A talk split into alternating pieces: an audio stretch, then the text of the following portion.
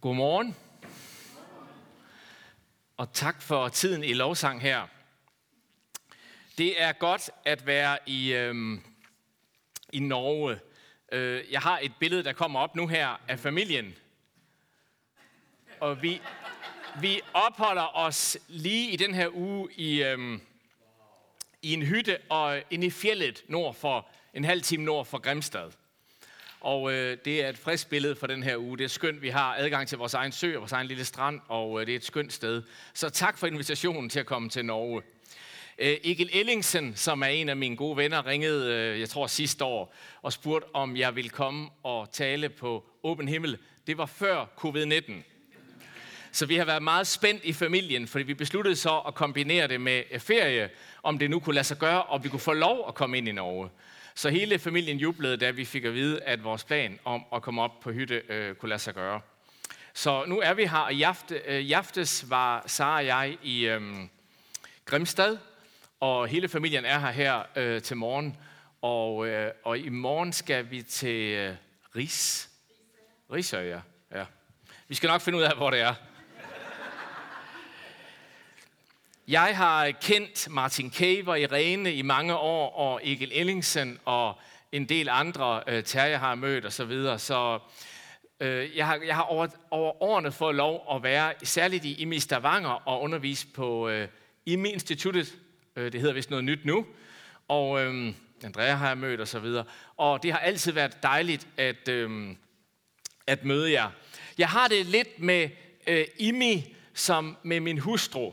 Øh, vi har været gift i 25 år. Siger man hustru på norsk? Frue, ja. Øh, vi har sølvbryllup i den her sommer. Øh, 25, to, nej, 25, 25 år, ja. Og øh, jeg har det lidt med Imi som med min hustru. Jeg elsker hende, men jeg forstår hende ikke altid. Og øh, sådan har jeg det også med, med jer i Imi. Øhm, Terje har spurgt, om jeg den her morgen vil tale med jer om skam og om frihed fra skam. Og det vil jeg gerne. Det er noget, jeg har talt om øh, tidligere, også i, øh, i, i IMI, i hvert fald på time, tror jeg, øh, i, øh, i Stavanger. Og mange andre steder i verden har jeg talt om øh, skam og bet, skam, betydning af skam i vores liv og frihed fra skam. I 2000 og jeg tror det var 17, der kommer hvert år i Danmark en liste over de ord, som er de mest googlede på internettet. Og jeg tror, det var i 2017, eller også var det 18, jeg kan ikke huske det. Der var skam det mest søgte ord på internettet i Danmark. Og det var jo Norges skyld, for I havde en tv-serie, der hed Skam. Hvor mange her har set bare lidt af tv-serien Skam? Hvis ikke I har, så få det gjort, for den siger noget meget, meget vigtigt om det, vi skal øh, tale om her. Ordet skam bruges ikke i noget afsnit i serien Skam. Og det er en del af pointen, øh, som øh, instruktøren har fortalt. Fordi skam er det, vi ikke taler om, men alle sammen kender.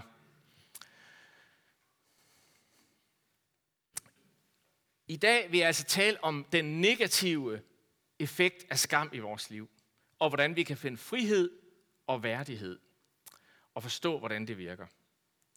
Skam er følelsen af at være forkert, ikke hører til. Og det er noget andet end skyld. Skyld handler om noget, jeg har gjort eller ikke har gjort. Og det gode ved skyld er, at skyld kan jeg gøre noget ved. Hvis jeg har gjort noget mod Terje, jeg ikke skulle have gjort, så kan jeg sige undskyld, eller forsøge at gøre det bedre næste gang. Skyld kan vi faktisk handle med.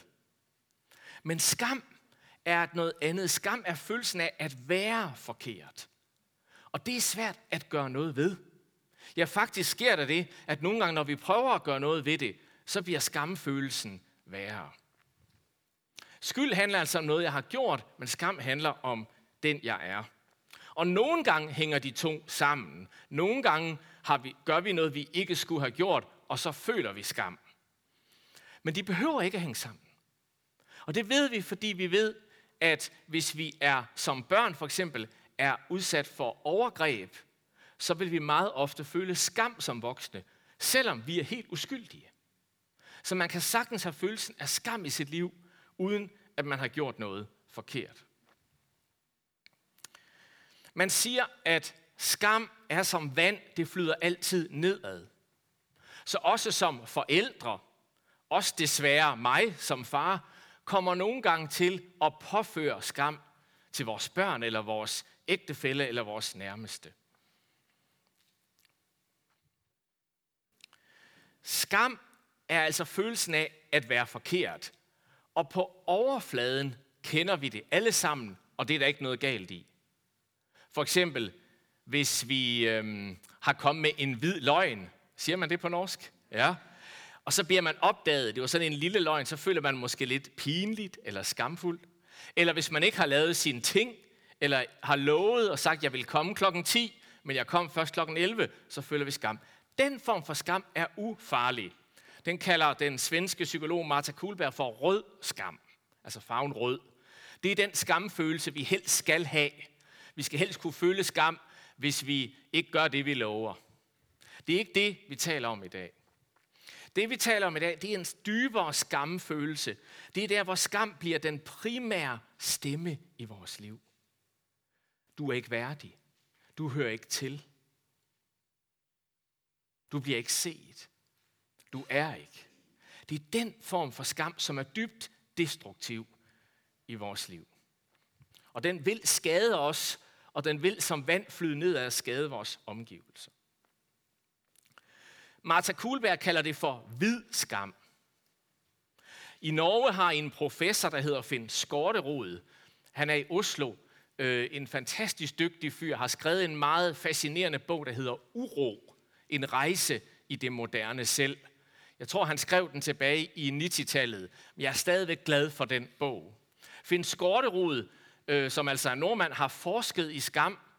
Han har haft et forsøg, hvor han havde øh, en række kvinder i et, et laboratorium med deres små øh, babyer.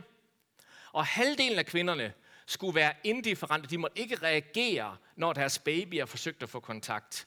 Og den anden halvdel af kvinderne skulle reagere og gøre, hvad der er naturligt for en mor at tage sit barn op. Og øh, det, der var interessant ved det forsøg, var, at en, en mor, som holder sin baby, og så kigger på det, jeg ved, kommunikerer følelsesmæssigt med babyen, der så vælger at være apatisk, det var en del af den øh, forsøg her, ikke have øjenkontakt med babyen. I løbet af to til tre minutter vil babyen græde. Fordi babyen ved, at moren er der, men der er ingen kontakt. Så der er lavet masser af forsøg omkring skam, og det siger noget om, at skam er en følelse, der kommer før den etiske dimension i et barns liv. Altså, psykologer i dag mener, at skam udvikler sig allertidligst, altså følelsen af at høre til eller ikke høre til, kommer før følelsen af at gøre noget forkert eller gøre noget rigtigt. Og derfor kan vi også godt have kæmpe med skam, for det kan være kommet i vores liv meget tidligt, selvom vi egentlig godt øh, kan tage gode valg og har en etisk øh, norm i vores liv. Det er altså, skam er altså før sproget i vores liv og før etikken i vores liv. Der findes også sort skam, siger Martha Kuhlberg. Det bruger hun om den skam, vi kender fra ære- og skamkulturer. Altså fra Mellemøsten for eksempel. Det er der, hvor skam er noget, der bliver påført udefra. Du bliver på dansk, siger vi, udskammet. Jeg tror, man på norsk siger, for påført skam. I kender det fra ære og skam drab. Har man det i Norge? Altså i muslimske miljøer. Hvad kalder man det? Ja, det, I hører om det også, ja.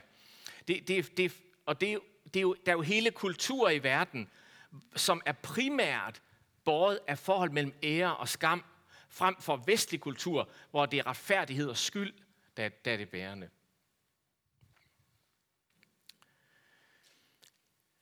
Er der nogen, der kan huske, hvad skabelsesberetningen, altså beretningen om Guds skabelse af himmel og jord, ender med? Hvad er det sidste, der står, før vi hører om faldet?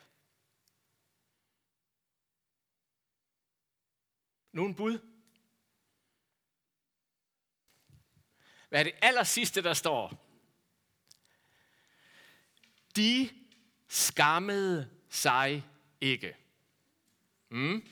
Det er det sidste, der står om Guds gode skabelse, før slangen, før syndefaldet, før djævlen. Med andre ord er skam noget, Bibelen er optaget af fra dens første sider. Og det var en del af Guds godhed, at skammen ikke fandtes. Det vil sige følelsen af ikke at høre til, ikke at være værdig, var ikke kendt i verden før faldet. Det vil sige, det vi kalder syndefaldet eller skyldsfaldet, er også et skammefald. Men i den kristne tradition har vi langt mere sprog, især i Vesten, for, for tilgivelse og skyld, ja, end for frihed for skam. Men det er to sider af den samme ting.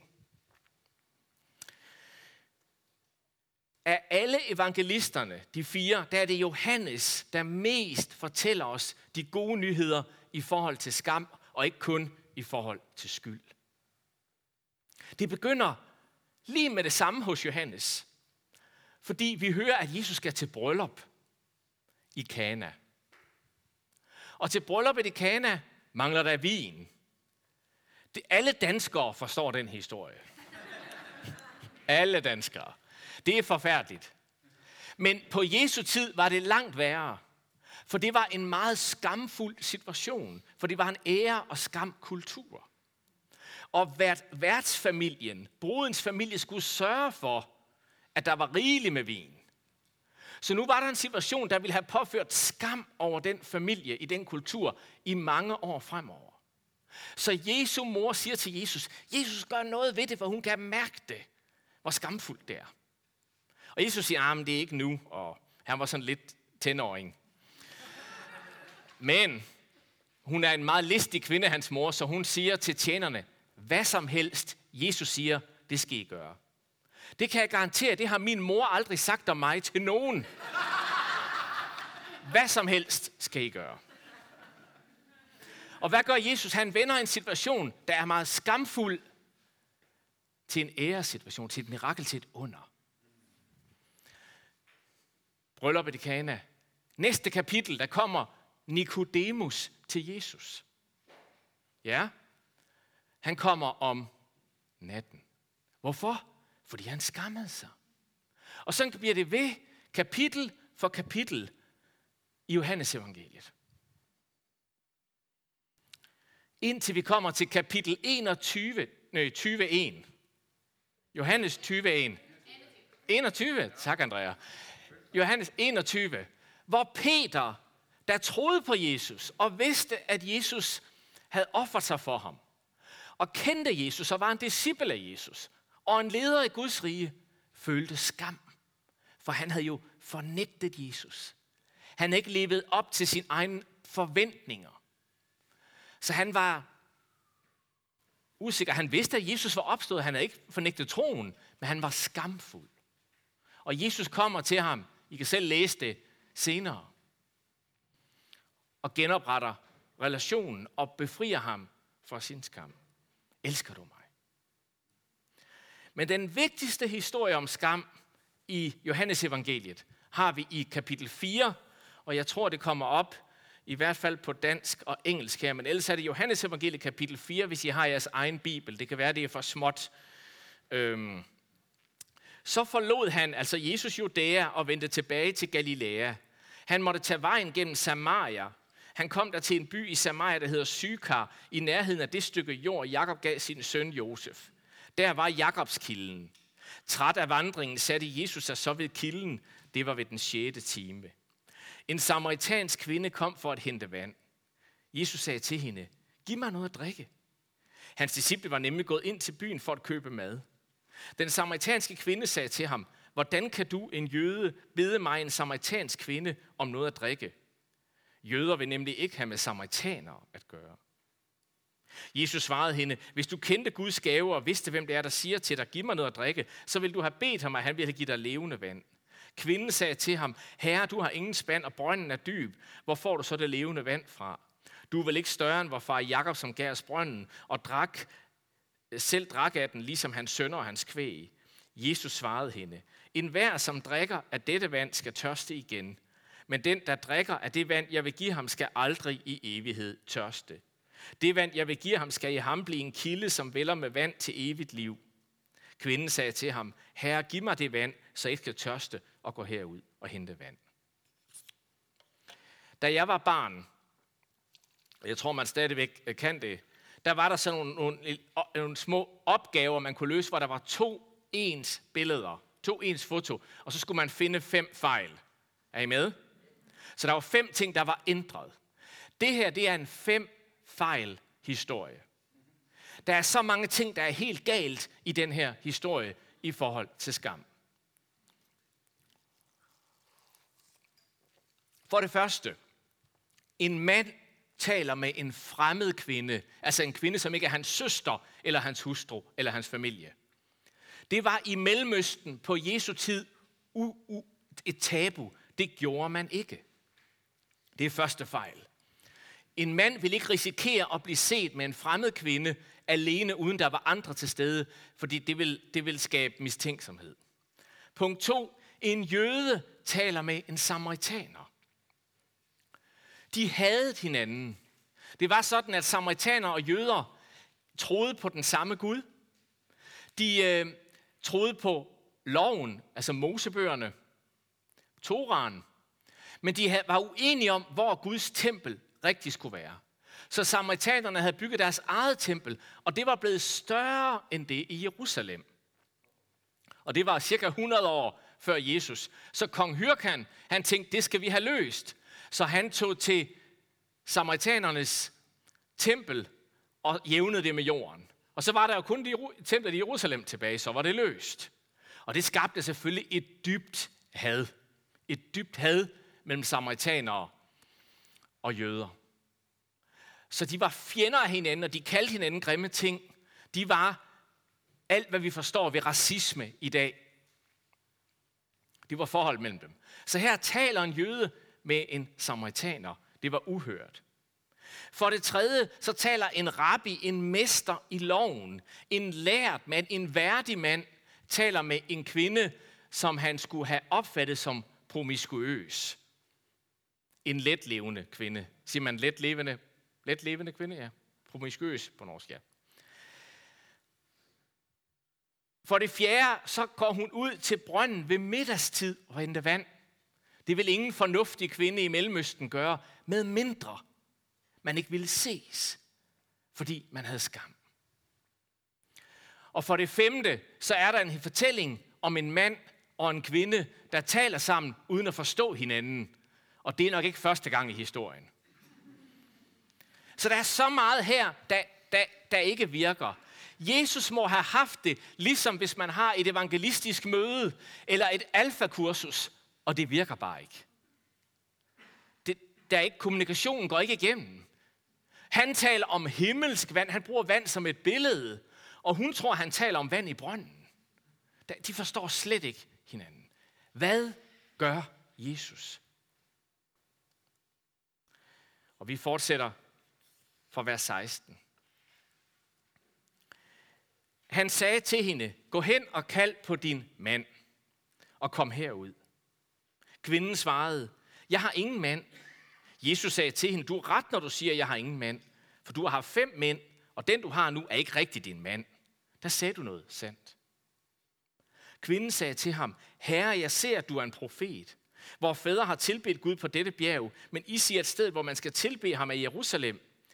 Jesus sagde til hende, tro mig kvinde, der kommer en time, da det hverken er på dette bjerg eller Jerusalem, I skal tilbe faderen. I tilbeder det, I ikke kender. Vi tilbeder det, vi kender, for frelsen kommer fra jøderne. Men der kommer en time, ja den er nu, da de sande tilbedere skal tilbe faderen i ånd og sandhed. For det er sådanne tilbeder faderen vil have. Gud er ånd, og de som tilbeder ham skal tilbede i ånd og sandhed. Kvinden sagde til ham, jeg ved, at når Messias skal komme, det vil sige Kristus, når han kommer, vil han fortælle os alt. Jesus sagde til hende, det er mig, den der taler til dig. Hvad sker der her? Der sker det, at Jesus bringer sandhed ind i samtalen. Han stiller et spørgsmål, eller giver en opgave. Hent din mand. Jesus vidste jo, at det var en skamfuld situation, og han ville ikke udsætte kvinden for mere skam, så han siger, hent din mand. Jeg tror ikke, at det var profetisk for ham i første omgang. Men hun siger, ah, og så siger Jesus, ja, det er rigtigt. Og så ved han profetisk, hvad der er hendes situation. Jesus han bliver begejstret, når han siger, du taler sandt nu. Det skal ikke høres kritiserende af hende. Han kritiserer hende ikke. Han, han, han bliver begejstret. Nu taler hun sandt. Hvorfor? Fordi Jesus ved, at rejsen ind i frihed fra skam altid kommer med sandheden. Se, efter syndefaldet, der er mennesker, vi mennesker var efter faldet stillet der, hvor vi føler os presset til at vælge mellem kærligheden og sandheden. Enten skjuler jeg, hvem jeg virkelig er, i håb om, at nogen vil elske mig på en god dag. Eller også bliver jeg kynisk og bare taler sandt om, hvem jeg er, inklusiv mine dårlige sider. Og så opgiver jeg kærligheden. Med overladt til os selv vil mennesker vælge mellem kærlighed og sandhed. Kun hos Jesus er kærlighed og sandhed fuldt forbundne. Og Jesus ved, at rejsen og friheden for skam går via sandhedens vej. Se, kærlighed kan gøre alt i et menneskes liv, undtagen én ting. Det kan ikke sætte fri. Det gør kun sandheden. Og det er ikke noget, jeg siger, det er noget, Jesus siger. Jesus siger et andet sted i Johannes evangelie, I skal lære sandheden at kende, og sandheden skal gøre jer fri. Kærligheden favner, omfavner, accepterer, tilgiver, rummer, men sandheden sætter, sig, sætter fri. Kærlighed og sandhed sammen, ikke hver for sig. Forestil jer, at jeg havde været min kone utro, eller gjort noget andet alvorligt. Hvis hun så elskede mig alligevel og blev hos mig, så ville det være kærlighed. Men uden en sand erkendelse hos mig af det, jeg havde gjort forkert, uden at tale sandt om det, ville det aldrig kunne blive frihed.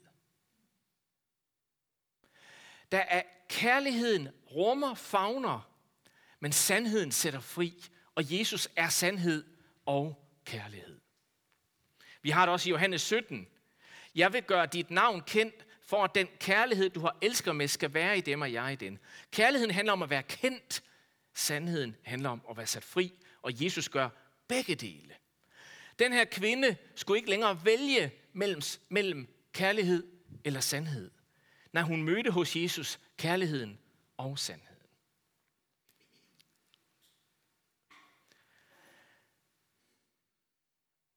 Skam er en meget negativ kraft. Den er som vand, der løber nedad.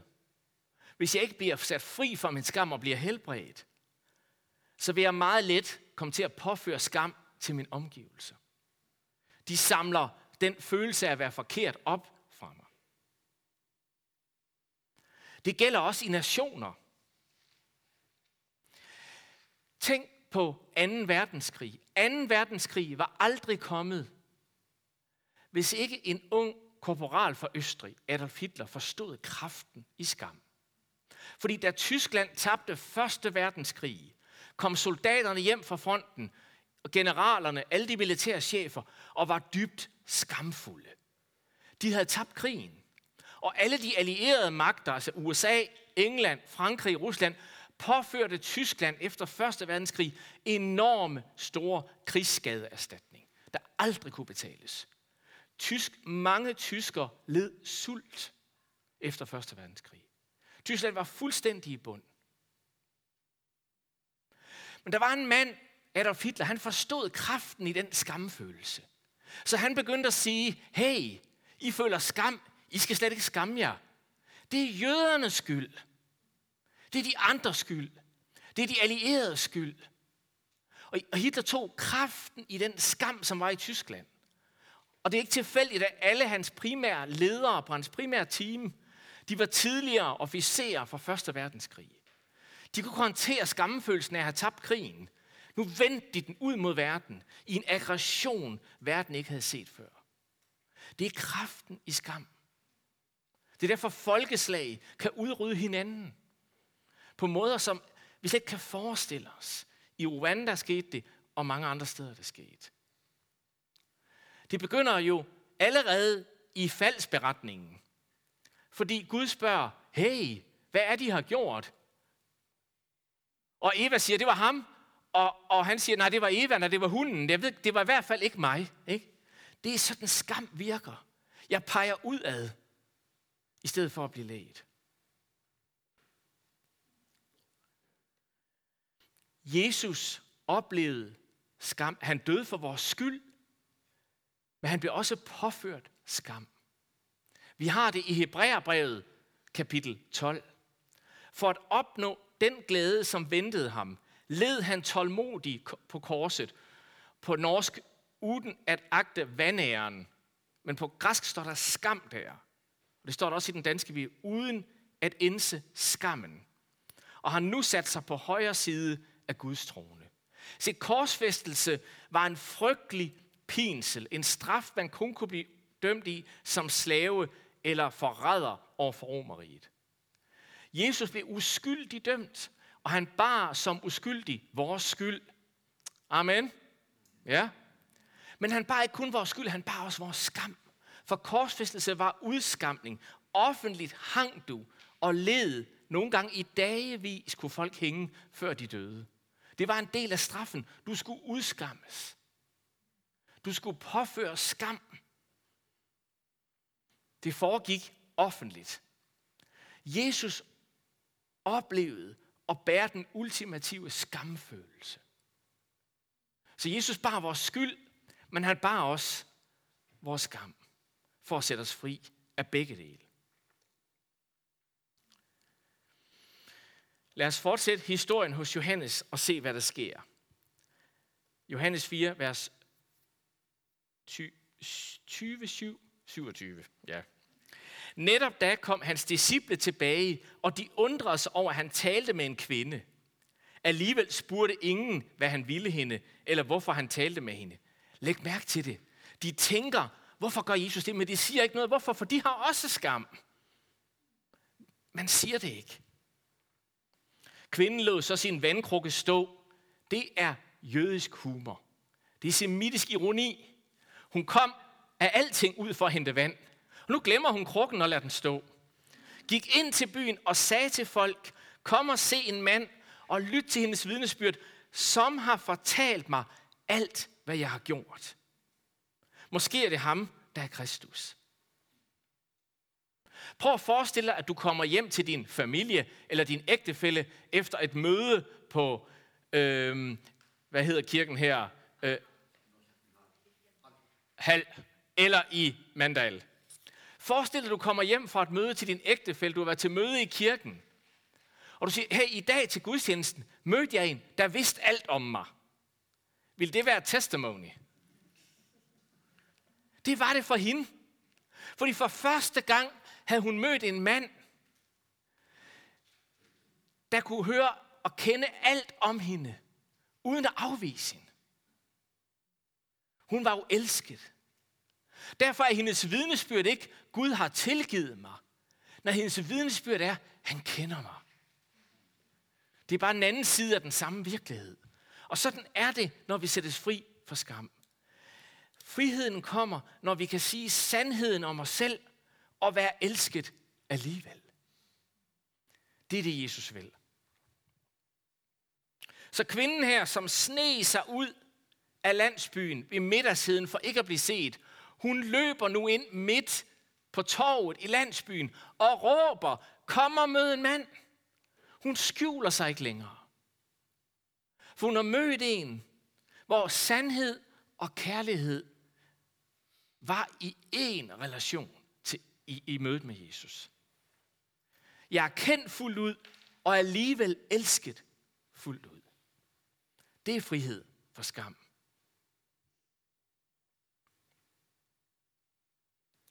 Rejsen mod frihed for skam i vores liv er at opgive en falsk modsætning, hvor jeg enten må holde facaden og ikke vise, hvem jeg er, og håbe, at nogen så kan lide mig og anerkender mig og elsker mig. Eller jeg bliver kynisk og bare lægger alt frem, men opgiver kærligheden. Det er en falsk modsætning. Hvis du vil vokse ind i mere frihed for skam, så bliv kendt. Kendt af Gud og kendt af mennesker. Derfor er et skridt i frihed for skam altid at finde et menneske af samme køn som dig selv, hvor du begynder at sætte ord på det, du har svært ved at sige. Tal det. Tal sandt om dig selv. Og opleve, at det kan du godt, og så være elsket og holdt af alligevel.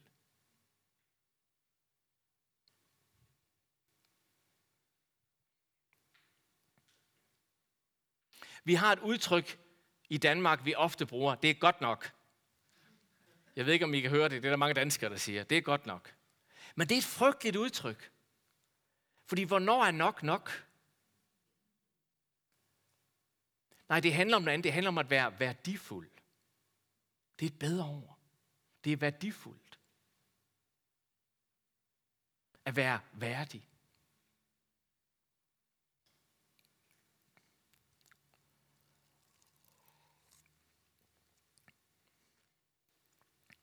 Jesus vil tage vores skyld. Og har vi skyld, har vi gjort ting forkert, så skal vi få sat ord på det og bekendt det som skyld. Men Jesus vil også helbrede og læge vores skam. Esajas siger, at han bærer vores skyld på korset, men også blev syg for, at vi kunne blive helbredt. Blev såret for, at vi kunne blive helbredt. Både fysisk, men også vores skam. Det er to sider af korset, der ikke må skilles ad. Lad os rejse os og bede sammen.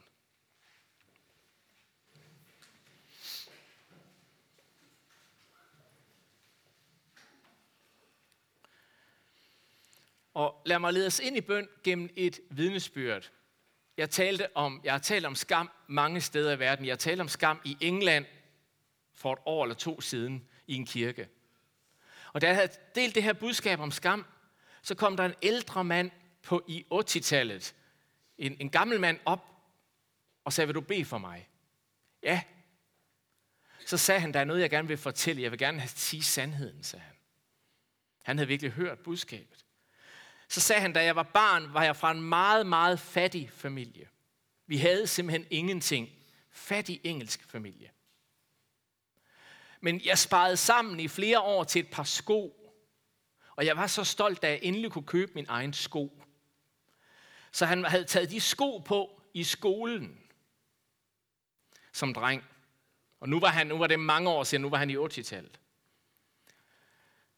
Og da han kom i skole, sagde han, så pegede de andre klassekammerater på skoene og begyndte at mobbe ham. Siger man mobbe på norsk? Ja. Og sige, det var nogle grimme sko og sådan noget. Og han, og han var begyndt at græde. Og ikke nok med det, så havde læreren taget ham op foran hele klassen i skolen i England og sagt, nu vil jeg vise jer, hvordan en fattig dreng ser ud.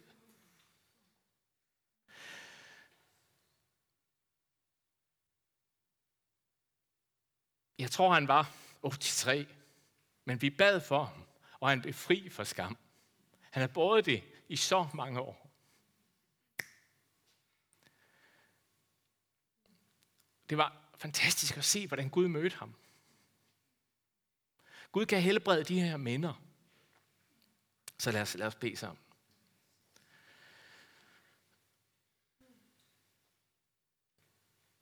Jesus, du gjorde det, vi ikke kan. Vi kan ikke frelse os selv. Og vi bliver enormt trætte og slidende og anstrengte, når vi vil. Så vi kommer til dig. Du som bar vores skyld.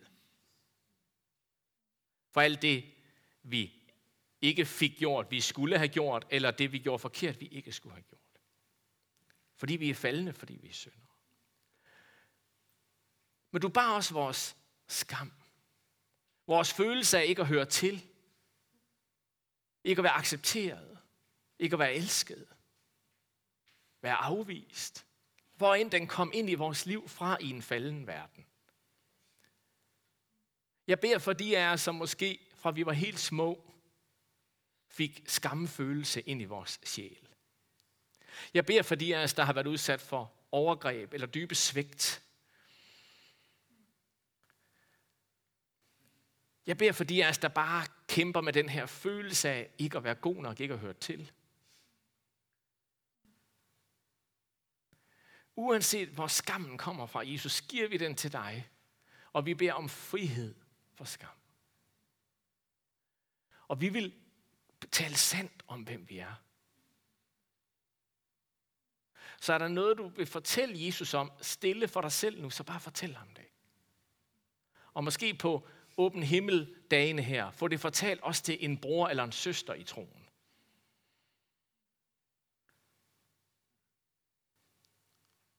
Tak, Jesus, at der er ingen situation, der er ikke noget, der bliver os påført, og der er ikke noget, vi har gjort, som du ikke kan vende til en sejr i dit rige.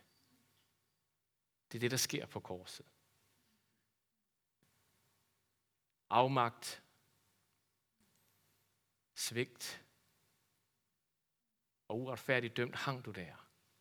Men netop der sejrede du.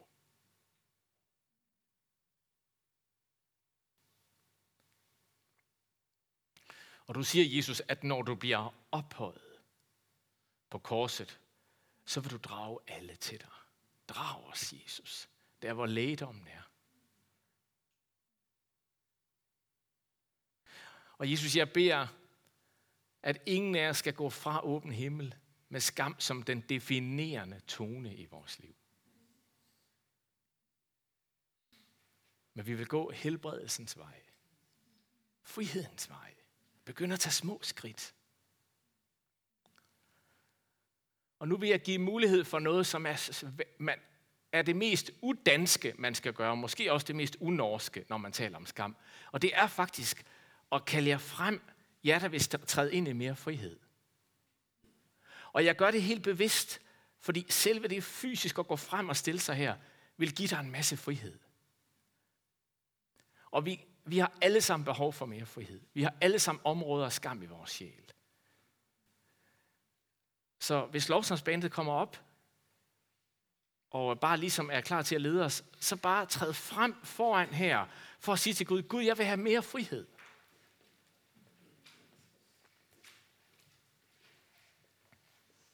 Så vær frimodig og træd frem.